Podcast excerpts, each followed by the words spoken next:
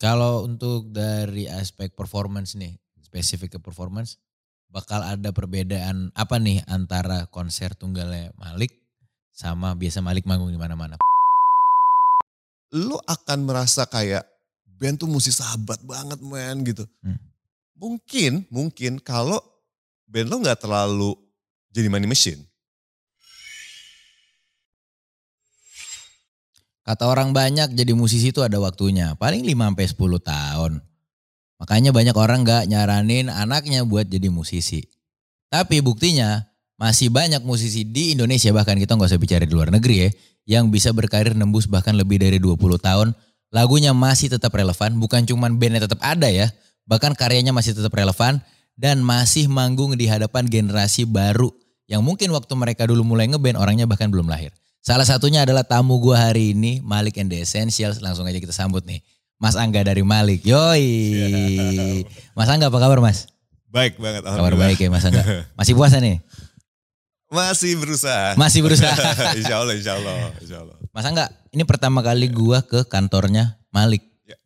Madhouse. Madhouse. Tadi waktu gua pertama kali di Sherlock sama anak-anak namanya Madhouse. Gue pikir, weh kayak ini kantor-kantor band-band HC atau band-band punk kan nih namanya Mad kan. Ternyata gue baru mikir, Mad, oh iya Malik and The Essentials. Yeah, yeah. Tapi tadi katanya ada juga kepanjangannya Music, Art, And design. and Design. Iya. Ini Madhouse sebenarnya udah dari tahun berapa sih mas? Ini baru banget. Tahun ini kita masuk.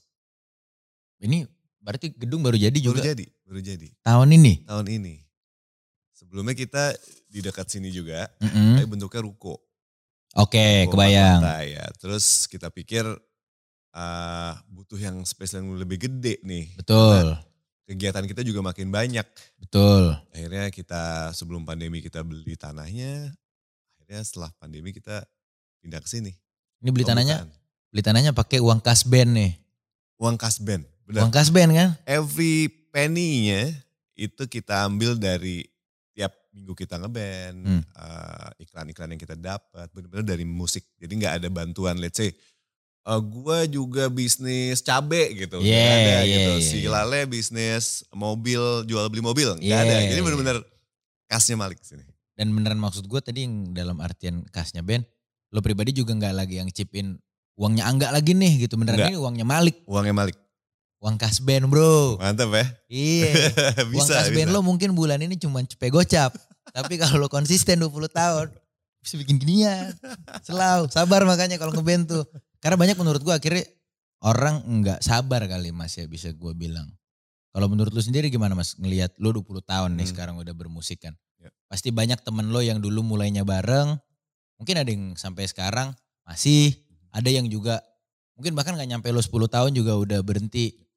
Dan akhirnya kan jatuh kepada isu yang sering dibahas sama orang privilege.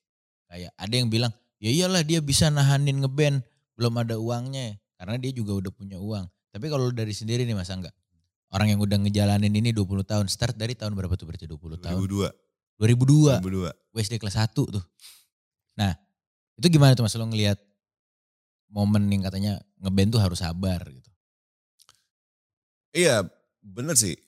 Eh ini ada dua, kan Malik 20 tahun berarti ada beberapa zaman yang kita lewatin. ya. Betul.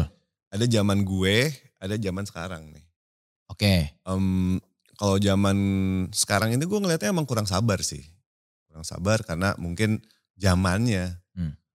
nggak mengharuskan kita untuk sabar kali ya. Hmm. Tantangannya justru di situ sih kalau anak zaman sekarang.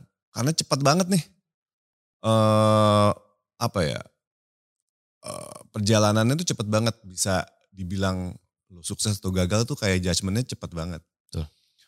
eh cuman kalau zaman gue dulu justru kebalikannya dengan bangganya, gue udah di musik udah 20 tahun gitu. Hmm. Anak sekarang mungkin ngapain lo 20 tahun di musik gitu. Iya. Bisa aja kayak Iya, gitu kan. Benar-benar. Eh, tapi balik ke Malik sih kalau gua rasa em, basicnya kita emang hidup di sini. Hmm. Kita hidup di musik. Jadi kita melakukan apa pun itu untuk musik ini. gitu. Perihal awalnya kita emang cinta sama musik ini, passion sama musik ini, itu pastinya gitu. Cuman ibaratnya bread and butter kita tuh emang di musik.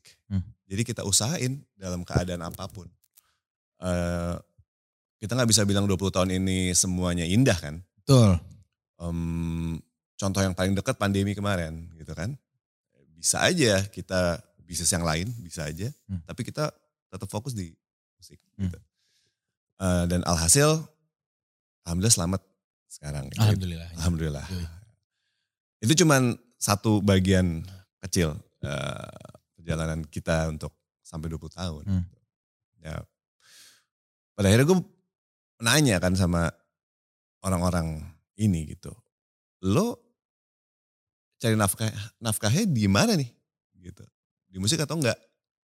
Eh, mungkin mereka bilang iya, tapi pada prakteknya mungkin enggak. Gitu. Jadi eh, omongan sama prakteknya juga harus sejalan juga ya. Hmm. Karena pada saat eh, lu emang hidup di sini, ya tanda kutip apa pun lu bisa, lu willing untuk melakukannya. Dan semua anak di Malik ini temen-temennya, itu gue rasa hidupnya emang di musik. Di musik benar, benar. Dan itu terbukti ya. gitu, Mas, ya. Terbukti. Momen apa tuh mas yang bikin mas Angga waktu itu ngerasa, udah Malik nih Ya. gitu. Jadi itu, jadi 2002 itu kan lahirnya Malik. Ya. Sebelum 2002, gue udah udah masuk ke dunia musik sebenarnya untuk mempersiapkan sebuah konsep atau mikir nih mau, mau konsepnya apa sih? Hmm. Akhirnya 2002 tuh kayak dapatlah sebuah konsep yang bisa gue jalanin, which is Malik itu. Nah tapi belum tahu nih Malik jalannya kayak apa.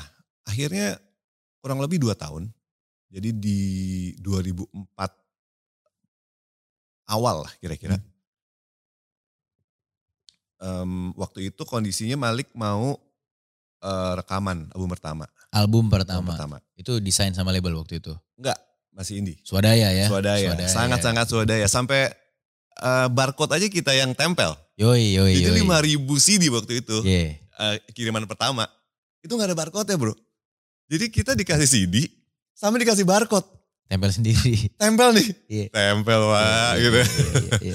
Iya, begitu. Jadi eh, dua tahun setengah kira-kira kita malang melintang di kafe-kafe gitu Hmm.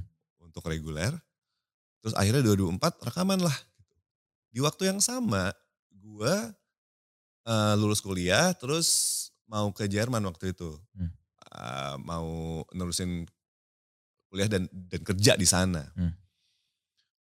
Nyokap nanya, jadi gimana gitu. Waktu itu nyokap tuh udah ngeliat Ma- Malik nih ada potensi gitu ya. Karena kita udah punya duit dari situ. Hmm. Cuman kan sekolah dan karir yang waktu itu ya formal lebih inilah lebih Terlihat, ya. terlihat gitu. Iya, iya, Musik tuh belum banyak ya. Contoh-contoh di masyarakat yang musisi bisa hidup lah. Betul, betul, betul. Jadi normal pertanyaan mereka.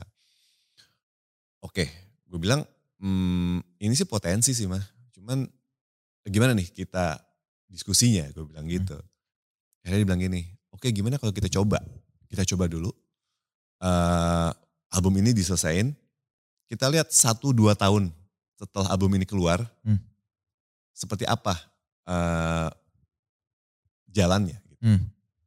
Kalau nggak berhasil, ya udah kita langsung ke Jerman aja. Gitu. Ya udah, alhamdulillah musiknya pecah. Hmm. Dan kayaknya gue ngerasa nyokap juga nggak pengen gue ke Jerman sih. Dia Ada. pengennya gue ada di sini. Iya, iya, ada sense itunya. Ada sense itunya. Jadi doa dia kayaknya lebih mengarahkan untuk album ini sukses gitu. Iya, biar anakku di sini aja deh, nggak sini aja. jauh-jauh deh. Iya, iya, iya. iya. Iya kalau waktu itu gue ke Jerman ya nggak akan ada ini juga sih. Hmm. Atau in a different way.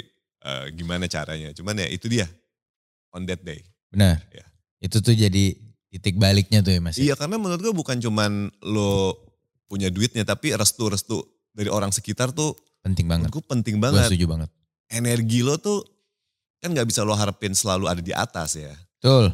Eh, dengan adanya dukungan ini, lo bisa kembali kapan pun ke mereka yang mendukung lo, yang ngedoain lo itu untuk dapat energi lo balik gitu selama Benar. karir lo ini. Karena kan ya maksudnya selama lo berkarir terutama kita bicara Malik 20 tahun. Pasti banyak banget juga moments of despair. Iya, Moment of desperation.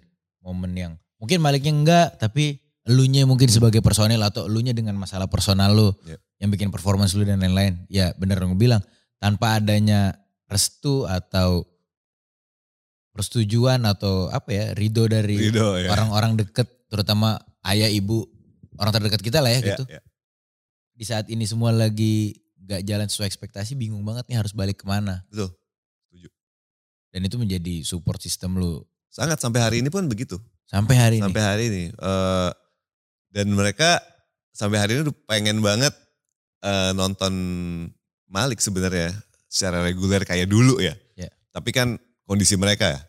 Jadi kalau mereka pengen nonton nih, even itu tempatnya susah, gue usahain banget mereka mereka bisa hadir ya. Dan dengan duduk dengan nyaman dengan Dengan segala macam lah ya. Iya, jadi mereka tuh pengen pengen lihat aja gimana sih eh orang respon terhadap Malik sampai hari ini. Hmm. Dulu tuh pas awal-awal mereka pengennya nontonnya di tengah-tengah penonton.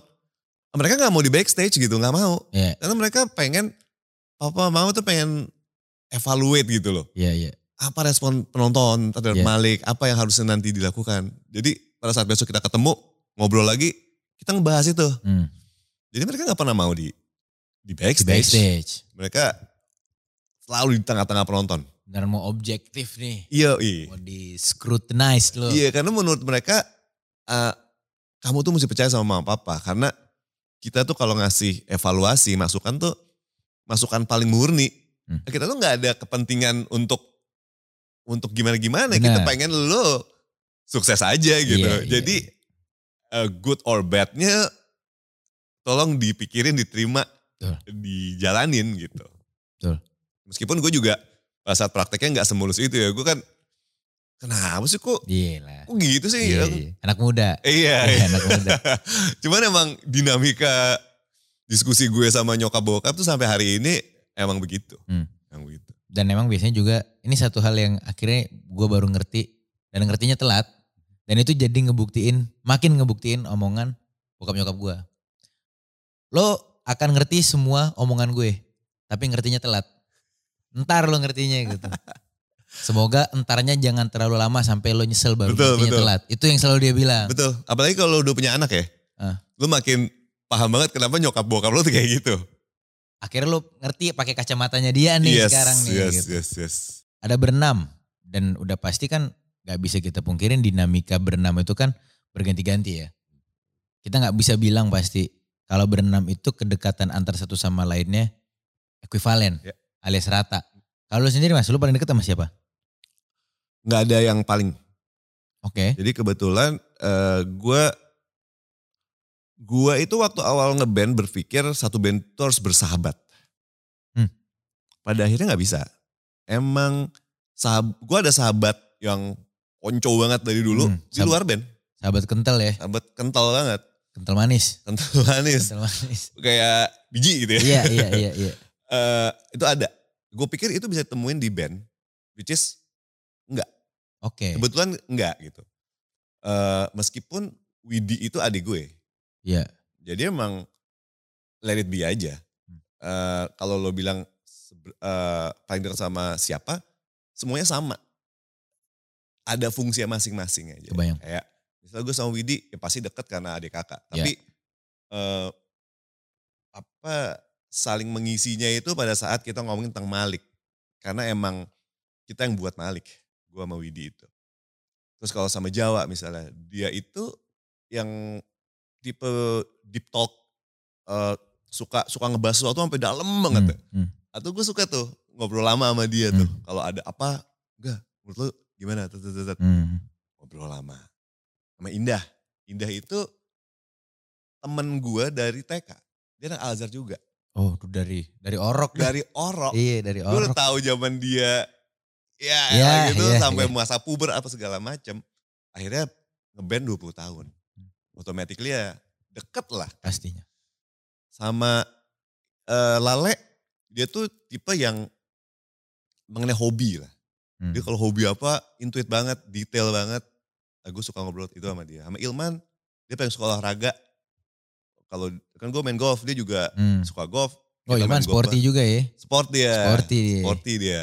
Jadi kita dekat juga di sini. Iya iya iya. Jadi, iya. Sama nih, ber, berenam ini.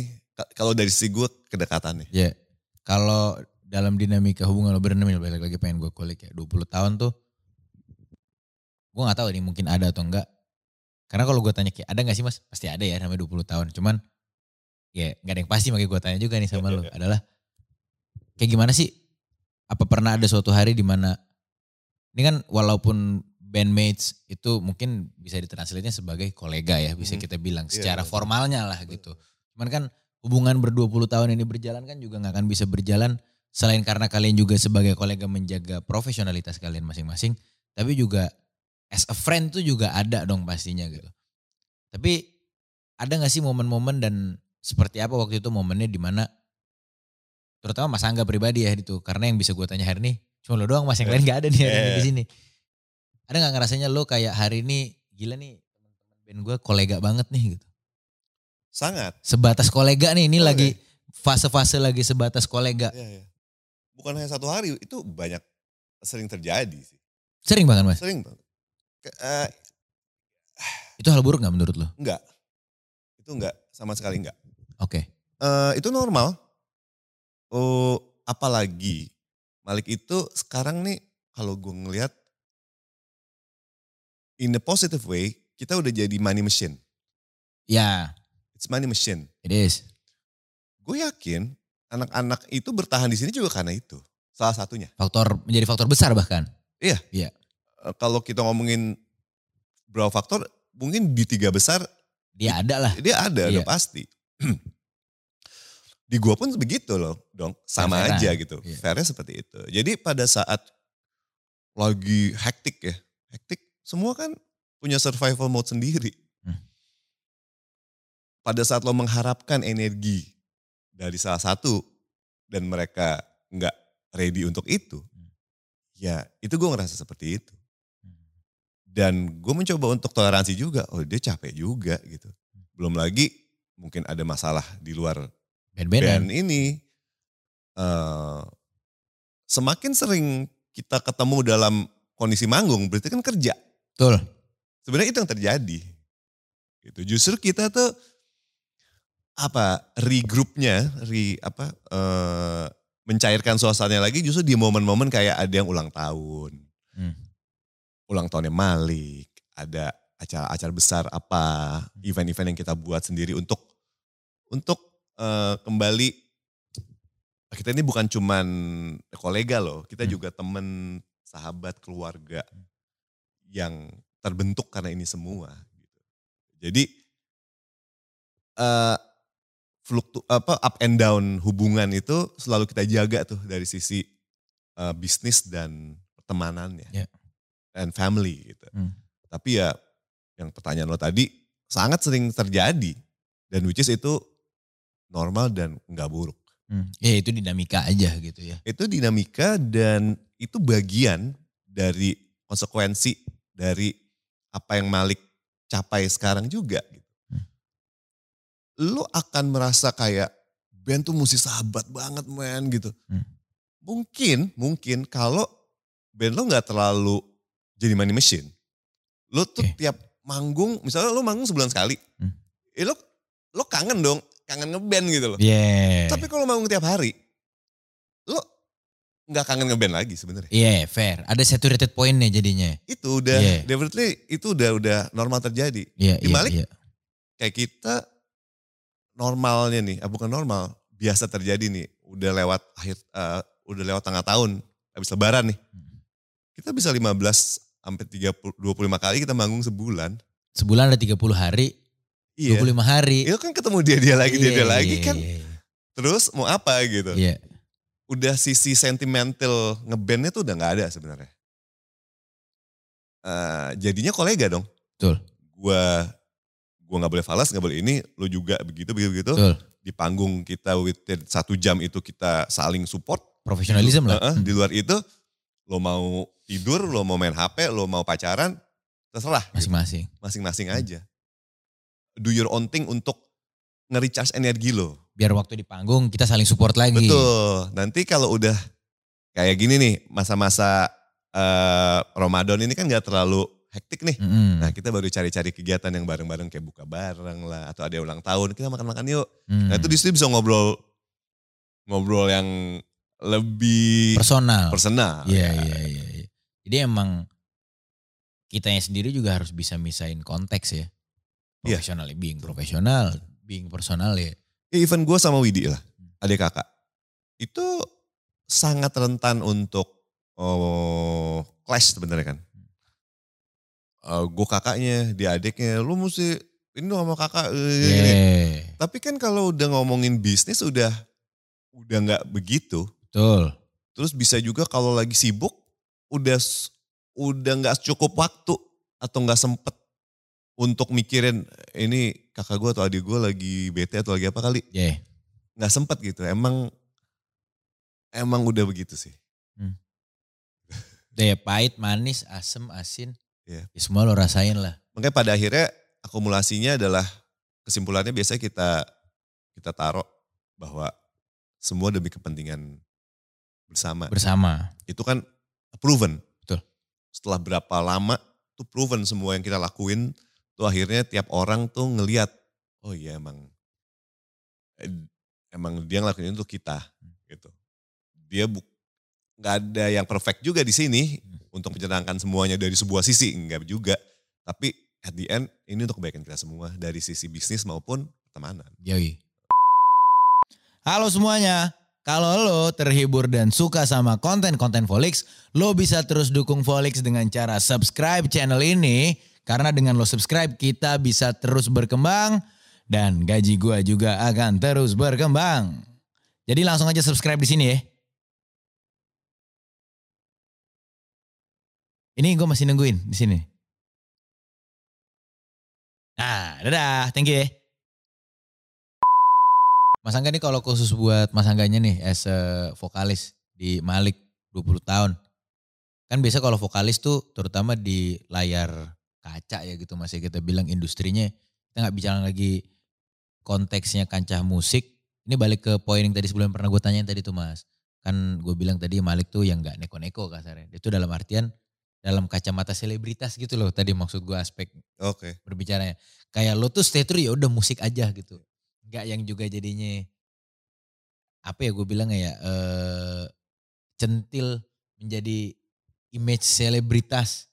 Kan gue susah ngejelasinnya tapi ya, ya. semoga Mas Angga nangkep nih gitu Heeh. maksudnya. Tapi itu kan tadi lo ceritain kan di fase awal lo tadi karena kondisi dan segala macam juga yang ada kesempatannya juga nggak ada gitu dan lain-lain gitu. Lo nggak terpapar sama probabilitas-probabilitas seperti itu. Tapi di saat Malik tadi sudah mulai berumur, sudah semakin banyak achievement, semakin luas audiens, secara finansial juga semakin oke. Dorongan untuk menjadi apa ya? Selebritas dalam tanda kutip tadi tuh sekuat apa sih Mas? Terutama buat lu vokalis gitu kan biasa kan kayak beyond cuman jadi vokalis gitu loh Mas. Yang kayak dia tuh beneran seleb banget gitu. Itu tuh seperti apa sih Mas godaannya eh, untuk nyeleb atau untuk nggak nyeleb atau per gitu-gituannya lah tuh, tuh gue kepo, gua kepo tuh di Ya, ya, ya. lu yang udah ngejalanin musik 20 tahun. Gue eh kalau gue ngeliat cuma dua ya. Pertama pribadinya Oke, sama kesempa eh, sama lingkungan. oke. Nah kalau dari Malik gue bisa menilai karena gue ada di sini gitu ya. Hmm, Orangnya sih, emang kita emang tanda kutip males untuk keluar gitu. hmm, hmm, Mungkin bahasa introvert kali ya. hmm. Jadi kita nggak terlalu appetite kita tuh nggak di situ. Hmm, Nggak mamprang gitu ya. Enggak Oke, gitu. oke. Kayak contoh misalnya diundang ke red carpet gitu. Ya, Kita males banget ke sana kebayang. untuk di award apa ada red carpetnya. Iya. Kan biasanya mungkin kalau yang emang appetite di situ ya dia akan SEO, di hire uh, Stylist. stylist apa segala macam untuk momen itu. Dan itu pun tidak salah juga ya. BTW salah, ya. nggak salah. Beneran.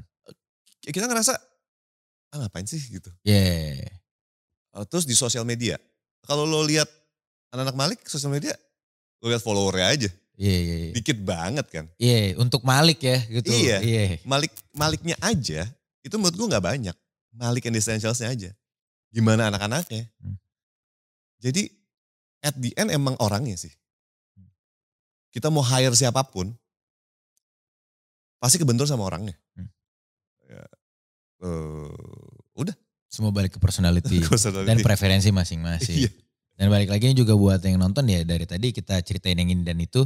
Ini dan itu dua-duanya juga nggak ada yang salah. Gak ada yang salah. Emang lo kan appetite lo, eh apa passion lo kan nggak bisa diatur ya. Nah, Banyak orang yang bilang gue pengen jadi musisi, tapi sebenarnya lo pengen jadi selebriti. Which is nggak apa-apa dong. Iya. Eh, itu cara dia survive di hidup gitu. Hmm. Kalau gue emang emang nggak mau kali aja, nggak nggak ngincer lah nggak itu bisa ngincer dibilang gitu ya. Berarti kalau lo kalau abis manggung langsung pulang aja dah gitu. Iya, Instead iya, of iya. lo menikmati situasi di di venue di Iya, sana iya, untuk iya, hangout iya, untuk iya, iya. kayak gitu. Itu balik lagi cuman sesimpel preferensi personal. Personalnya, personalnya. Dan tapi ya terlepas satu dan lain hal yang akhirnya ngebuat gua look up ke Malik and the Essentials sebagai unit musik tuh beneran porsi lu ada di sini sampai hari ini bertahan selama ini ya because the music speaks louder than the other things. Ya mungkin ada beberapa musisi yang juga gua ngefans banget tapi gua nggak begitu suka musiknya, gue malah lebih suka personanya Nah, misalnya. iya, iya. Ada juga gitu. Cuman one of the great things about you guys menurut gua adalah itu tadi lu beneran ada dan exist sampai hari ini solely beneran musik nih gitu. Ya, te- thank you banget atas eh, ininya eh, penghargaannya. Kita juga eh, beruntung ya punya member-member yang mendukung untuk hal itu. Hmm. Jadi member member aslinya kan gue berempat gue Widi Indah Jawa. Ya. Tiba-tiba setelah Malik berumur 8 tahun masuk Lale Hmm. gitaris. Ternyata dia jago buat lagu juga, tapi pendiam juga. gitu. Hmm. Jadi musiknya Malik berkembang lagi tuh. Hmm. Yang tadi kita mungkin udah agak jenuh dengan chord-chordnya melodi-melodi, masuk lale, tek, berubah lagi. Hmm. Empat tahun kemudian, Ilman masuk. Ternyata dia juga kayak begitu. Nah, Ilman masuk, berubah, lagi. berubah lagi. Di tengah-tengah Ilman masuk, ada Lin, Hmm, hmm, berubah lagi. berubah lagi. Nah itu aja menurut gue faktor keberuntungannya ada banget di situnya. Jadi kita em, emang dikelilingi ya. Di Malik ini emang banyak orang kreatif. Hmm. Instead of eh, yang lebih ke arah selebriti. sih. Hmm, Kita sih pengen sebenarnya, eh gimana sih cara naikin follower? Yeah. Beli apa ya? Yeah. Cuman kalau udah ngobrol sama orang lu mesti ini, mesti. Aduh, Nah, iya. aduh enggak ya Aduh, kayaknya. Iya, iya, iya. Ya akhirnya lo act the way you act as always gitu. Iya, ya. iya. Natural aja. Ngikutin ya suratan takdir ya bisa gue bilang. ya. Bener dan karena emang lo di situ, jadi surrounding lo tuh mengarah ke sana kan. Ya. Kalau bisa dibilang, kalau lo bilang lewat musik kita bisa 20 tahun. Bisa ternyata. Di musik itu ternyata banyak banget elemennya kan. Betul. Ya lo ngomongin instrumen aja. Ini udah Udah berapa biji nih di sini? biji Ji? gitu. Belum yang di belakang kamera, belum yang sana sini. Betul. Ini baru keyboard ya. Bener. Belum gitar lale. Belum bassnya. Belum bassnya segala Iya. macam. Ya ternyata 20 tahun belum habis-habis juga. Iya. Kalau emang lo mau mau ngulik gitu. Mau explore ya. Iya. Never stop exploring. North Face. Yoi. Itu boleh iklan tuh North Face tuh. Next. Hari ini gratis besok bayar ya. Mas. Ntar lagi kan Malik mau konser 20 tahun. Ya. Itu gimana tuh konser 20 tahun dari kacamata Mas Angga sendiri? Ini konser tunggal kan berarti? Konser ini? tunggal pertama. Pertama bahkan. Pertama Sebelumnya acara orang. acara orang. Hajatan orang. Betul. Ini hajatan lo sendiri nih. Ya. Jual tiket sendiri berarti. Untungnya buat sendiri juga. Pasti, pasti. Itu pasti. Itu udah pasti. Rewardnya lebih gede. Tapi kan risknya juga lebih gede. Betul. Itu udah pasti. Gimana rasanya Mas Angga sebagai lo nih gitu. Menyikapi konser 20 tahun yang bentar lagi akan datang. Bentar lagi kan bulan Mei ya? Bulan Mei. Tanggal Bulan lagi. Tanggal 14. Nah iya bentar lagi. Bentar lagi banget. Seneng. Eh gue anggap ini fase fase baru lagi ya. Kenapa fase? Padahal ini biasa aja. Konser tuh biasa. Cuman kita akhirnya memutuskan untuk konser, itu pemikirannya gila. Gila tuh dalam arti kata kita ngelihat buat apa sih konser gitu. Hmm. Mungkin buat apanya itu karena tadi kita ngobrol panjang lebar mengenai pribadi kita, Hmm. eh, keadaan lingkungan bisnis kita. Mungkin membuat kita merasa konser tuh nggak perlu. Hmm. Padahal kita ditawarin konser tuh dari sejak kita umur 10 tahun. 10 tahun Malik, 15 tahun Malik, 17 tahun Malik. Gak ada tuh. Gak ada satupun konser. Sampai 20 tahun ini Sampai baru. ada 20 tahun konser. Eh, akhirnya kita menemukan alasan kenapa kita butuh konser. Alasannya pertama eh, kita ingin mendekatkan diri kepada fans, Hmm. pendengar yang selama ini ternyata udah 20 tahun mereka Bertumbuh bertumbuh bersama bersama Malik dan yang udah tua menginfluence bawahnya yang untuk bawahnya. kita kan itu mesti kita syukuri gitu. Betul. mesti kita hargai dan mesti kita eh, ini terus eh, apa bina terus Betul. karena kita kan eh, pengen main musik masih lama kita masih mungkin bisa 10-20 tahun lagi kalau masih orang mau undang kita Benar. Masih ada rezekinya. Iya, kalau kita ngelihat- waktu kahitna eh, itu umurnya dua, dua kali umur kita loh 40 ya. 40 Iya. berarti kan belum ada apa-apanya kita di sini kan. Berarti 20 tahun lagi kita masih harus membina ini. Jadi mendekatkan diri sama fans. Kedua ya bisnis. Hmm. Kombinasi antara ini nih menurut kita tercapai nih di konser ini gitu. Jadi kita rasa eh konser ini jadi bisa dibilang momentum di mana kita bisa ngasih lihat ke orang-orang Malik sekarang seperti apa. Sesuai dengan eh, konsepnya itu future past. Jadi kita nggak mau jadi konser nostalgia juga. Kita pengen orang ngelihat apa yang terjadi sama kita adalah pas lo datang ke konser nanti, apa yang akan terjadi nantinya adalah lo bisa di konser itu juga gitu. Hmm. Kita bisa pede bilang itu karena eh, kita berkembang bukan cuma dari musik aja, tapi dari musik, dari bisnis dan dari pribadi kita. Kita udah siap untuk menem, kita udah secure, udah udah berdamai juga dengan apa yang udah terjadi selama ini dan kita siap untuk menjalani for another 20 years ke depan. Yoi. gitu. For another time, for another Yes, decade. dari sisi musiknya, dari bisnisnya maupun dari pribadinya. Hmm.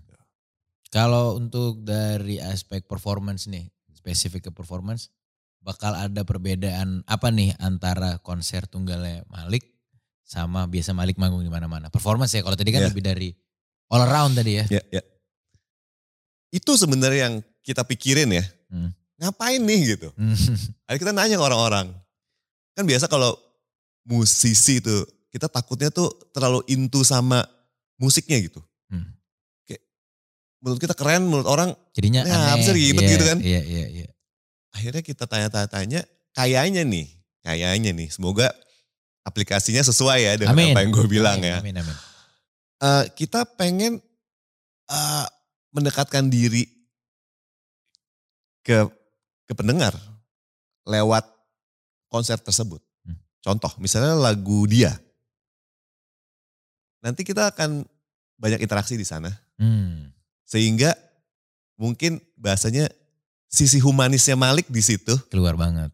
akan dirasakan sama orang-orang. Hmm. Harapannya Malik bukan cuma di Spotify aja, Ya. tapi bisa masuk ke relung-relung jiwa lo, alam Hmm. bawah sadar lo, bahwa Malik tuh udah udah menjadi bagian kehidupan lo Hmm. selama ini.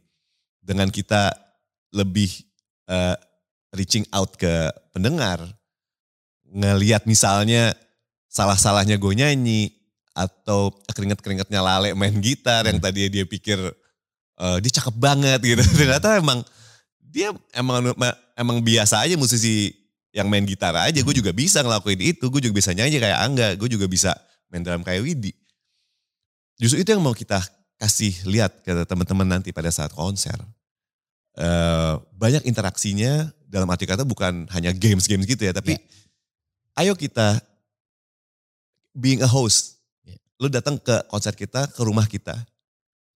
Eh, ayo nikmatin karya Malik tuh eh, dengan cara kita. Hmm. Gue gue hosting lo lah dengan cara Malik seperti apa. Bayang banget. Itu sih yang jadi tantangannya, being humanis di depan eh, pendengar kita. Dengar lo gitu. Hmm. Di mana mereka semua udah punya ekspektasi image atau ekspektasi apa pun. Iya, Lo sekarang tunjukin nih only human. Eh, orang aja nih Iya. gue nih gitu. Iya. Inilah Malik yang selama ini lo dengerin. Gitu. Iya. Karena kita akan ngasih ilustrasi juga gimana kayak misalnya lagu itu tercipta. Bego-begonya lagu itu tercipta gitu. Eh, terus bego-begonya gimana kita berkoreografi. Hmm. Em, gimana eh, kerennya kita eh, perform. Hmm. Itu juga harus ada gitu, harus seimbang gitu. Benar.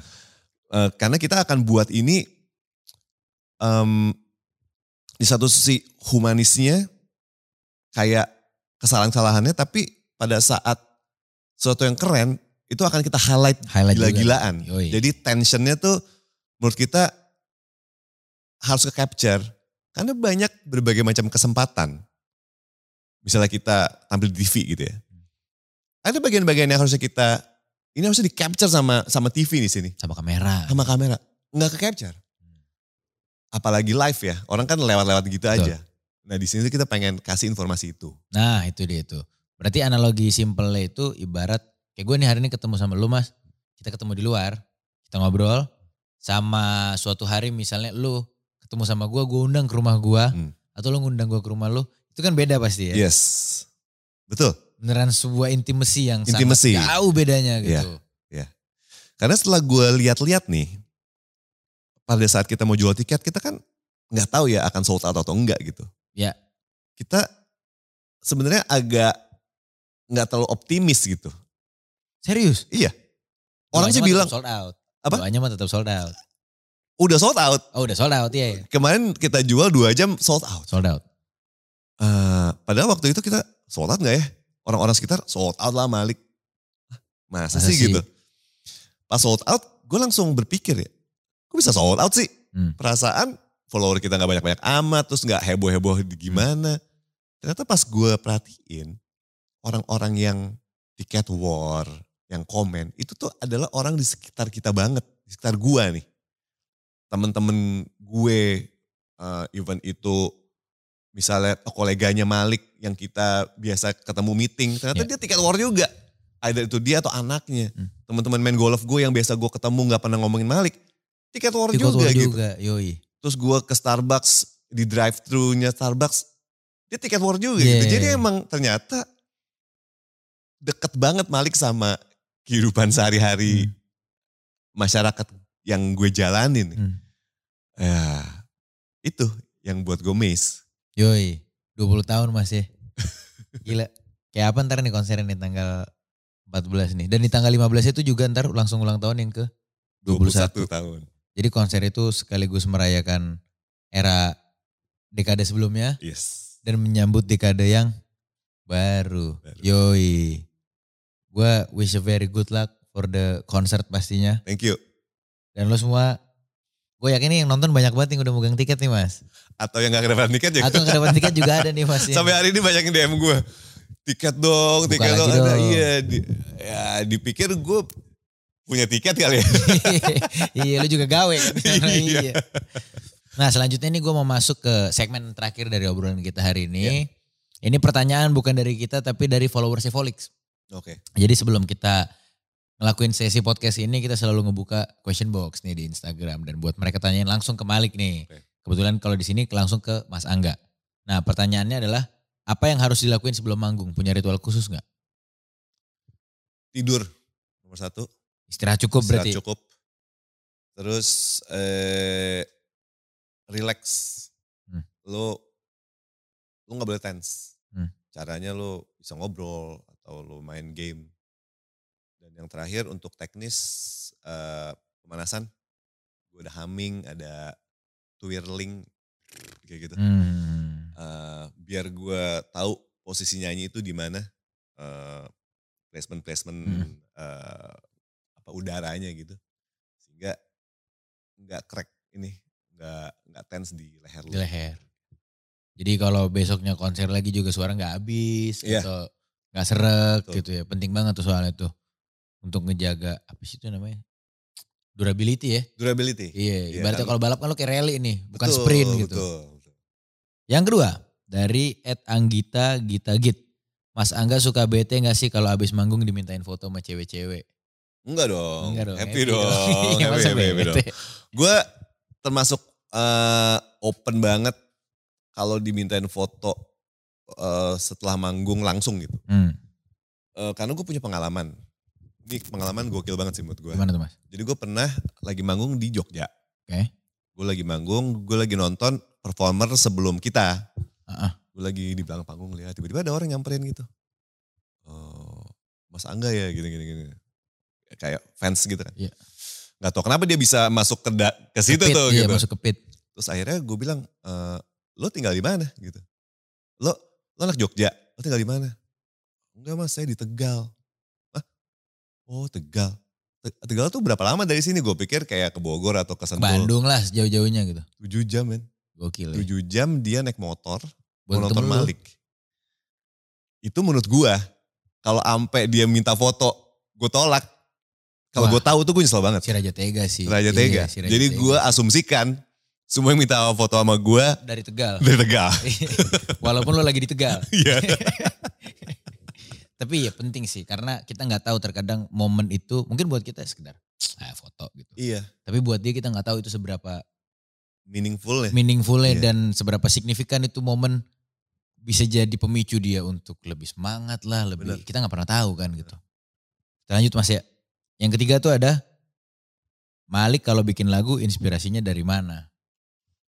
Dari mana Pengalaman kita sih keseharian aja ya. Eh, kita nggak pernah tuh buat lagu harus bertapa dulu ke mana. Gitu. Yeah. So far sih belum. Hmm. Pengen sih, tapi nggak pernah kejadian. Pengen nyobain ya pengen nyobain. baru. Iya. Tapi yang terjadi justru uh, misalnya ada kisah-kisah yang seru dari anak-anak atau dari temen anak-anak langsung dibuat lucu-lucuan, Hmm. dibuat jadi gitu. Atau lagi di kantor siang-siang jadi ataupun bener-bener deadline. Eh kita mesti buat nih lagu yang kayak gini. Ya udah baca buku, baca buku. Oh ini Hmm. nih. Sikat Langsung referencing aja Langsung, gitu iya. ya. Terus tuh, nah ini seru nih pertanyaan nih dari Muiz. Sekarang di radio lagi banyak lagu Malik. Tapi kok yang nyanyi bukan Malik nih belakangan. Hmm. Nah lagi banyak tuh emang Iya tuh. betul betul. Ada Rahmani Astrini. Iya. Terus ada yang gue dengar tuh ada Rahmani Astrini. Raffi. Raffi Sudirman. Beneran. Terus ada siapa lagi ya kemarin ya? Ada lima kan kalau nggak salah? Ada lima. Ada lima kan Nah, ya? iya. Itu tuh gimana tuh mas? Iya, jadi ini project kita sama Warner. Hmm. Jadi Warner itu kan partner lama kita, Hmm. label pertama kita waktu itu kerja sama Warner. Terus eh, tahun lalu kalau nggak salah ngobrol lagi, apakah ada yang bisa dikerjakan bareng sama Malik? Kata Warner, karena dia mereka masih pegang eh, rights kita kan, yang album 1 sampai 4 itu gitu.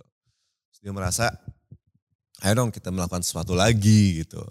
Kita udah kerjasama lagi, ditandai dengan adanya kolaborasi lagu Malik dengan artis-artisnya Warner.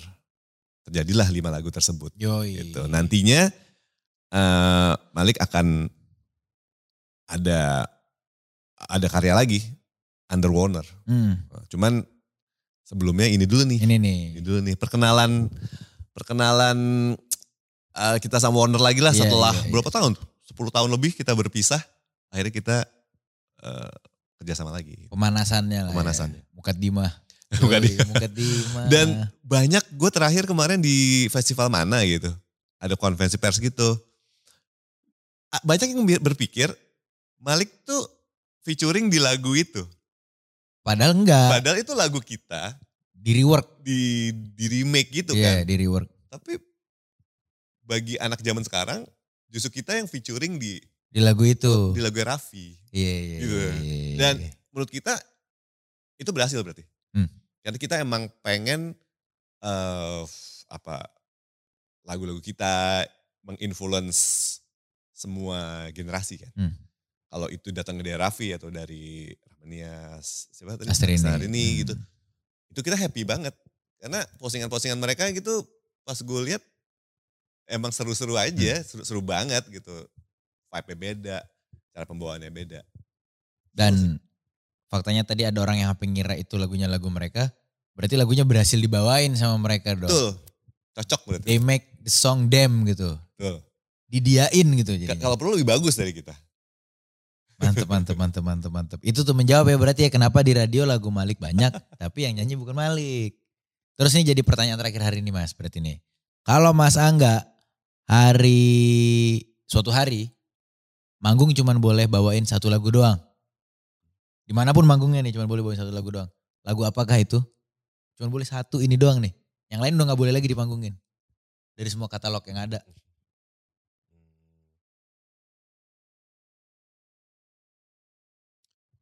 Senja Teduh Pelita deh. Senja Teduh Pelita itu jadi pilihan lagu Mas Angga ya. Kenapa tuh Mas? Itu jadi satu satunya. Kalau dari sisi teknis, itu bisa dinyanyiin secara solo. Hmm. Jadi nggak harus ada backing vokal. Hmm. Melodinya juga memungkinkan lo untuk dapat dinamiknya secara solo gitu, secara sendiri gitu. Terus lagu itu kayak apa irisan terbanyak dari karya Malik dari 1 sampai 8 album kita, irisan terbanyaknya itu ada di lagu itu. Eh, jadi gue bisa merasakan rasa album pertama, kedua, ketiga, sampai album 8 di lagu itu. Semuanya nongol gitu. Semuanya nongol. Jadi cukup representatif. Ya. Walaupun satu lo bisa ngerasain semuanya Iya. jadinya. Dan terakhir lagu itu hits banget. Hmm. Lagu itu yang menyelamatkan kita setelah sekian lama kita nggak punya single yang kuat. Hmm. Sejak album musik pop tuh Himalaya 2014-2015 eh kita keluar 2017 album tapi biasa aja. 2019 kita keluar sama lagu itu. Iya. Jadi Itu setelah lima tahun kita akhirnya dapat lagi. Dus. Wah kita selamat nih. nih. Yoi, Selamat kita. yoi, yoi, yoi, yoi, yoi. Mas Angga thank you banget hari ini. Ngobrolnya kita asik banget dari tadi. Dan kit gua nih Bass Boy selaku host acara ini dan tim Volix juga kita mendoakan the best of luck buat konser 20 tahunnya Malik. Semoga. Malik ada terus Amin. Sampai lu yang nggak ada. ya, amin. Sampai orangnya nggak ada baru bandnya Iya. nggak ada ya semoga ya. Dan buat lo yang nonton jangan lupa dong untuk datang. Walaupun tiketnya udah habis sih. Udah tiketnya habis. udah habis nih BTW nih. Tapi nanti ada katanya mau dibuka lagi beberapa ribu. Oke. Jadi kita lagi ngegeser-geser boot-boot nih Hmm. untuk nambahin tiket gitu. Bisa ada spot lagi. Bisa. Oke berarti buat lo yang nonton jangan lupa pastiin lo pantengin terus media-medianya Malik. Karena bakal semoga, akan Semoga. dibuka lagi nih. Jadi kebenaran ini ada dibuka tiket lagi. Dan lo dapat kesempatan buat nonton konser 20 tahunnya Malik. Yoi kalau gitu gua Bas Boy undur diri bersama tamu gua hari ini Mas Angga dari Malik. Saying bye. Bye-bye. Hai, gua Angga Purwadireja dari Malik Essentials. Jangan lupa untuk saksikan episode Viniar yang lain. Dan juga subscribe YouTube-nya Volix.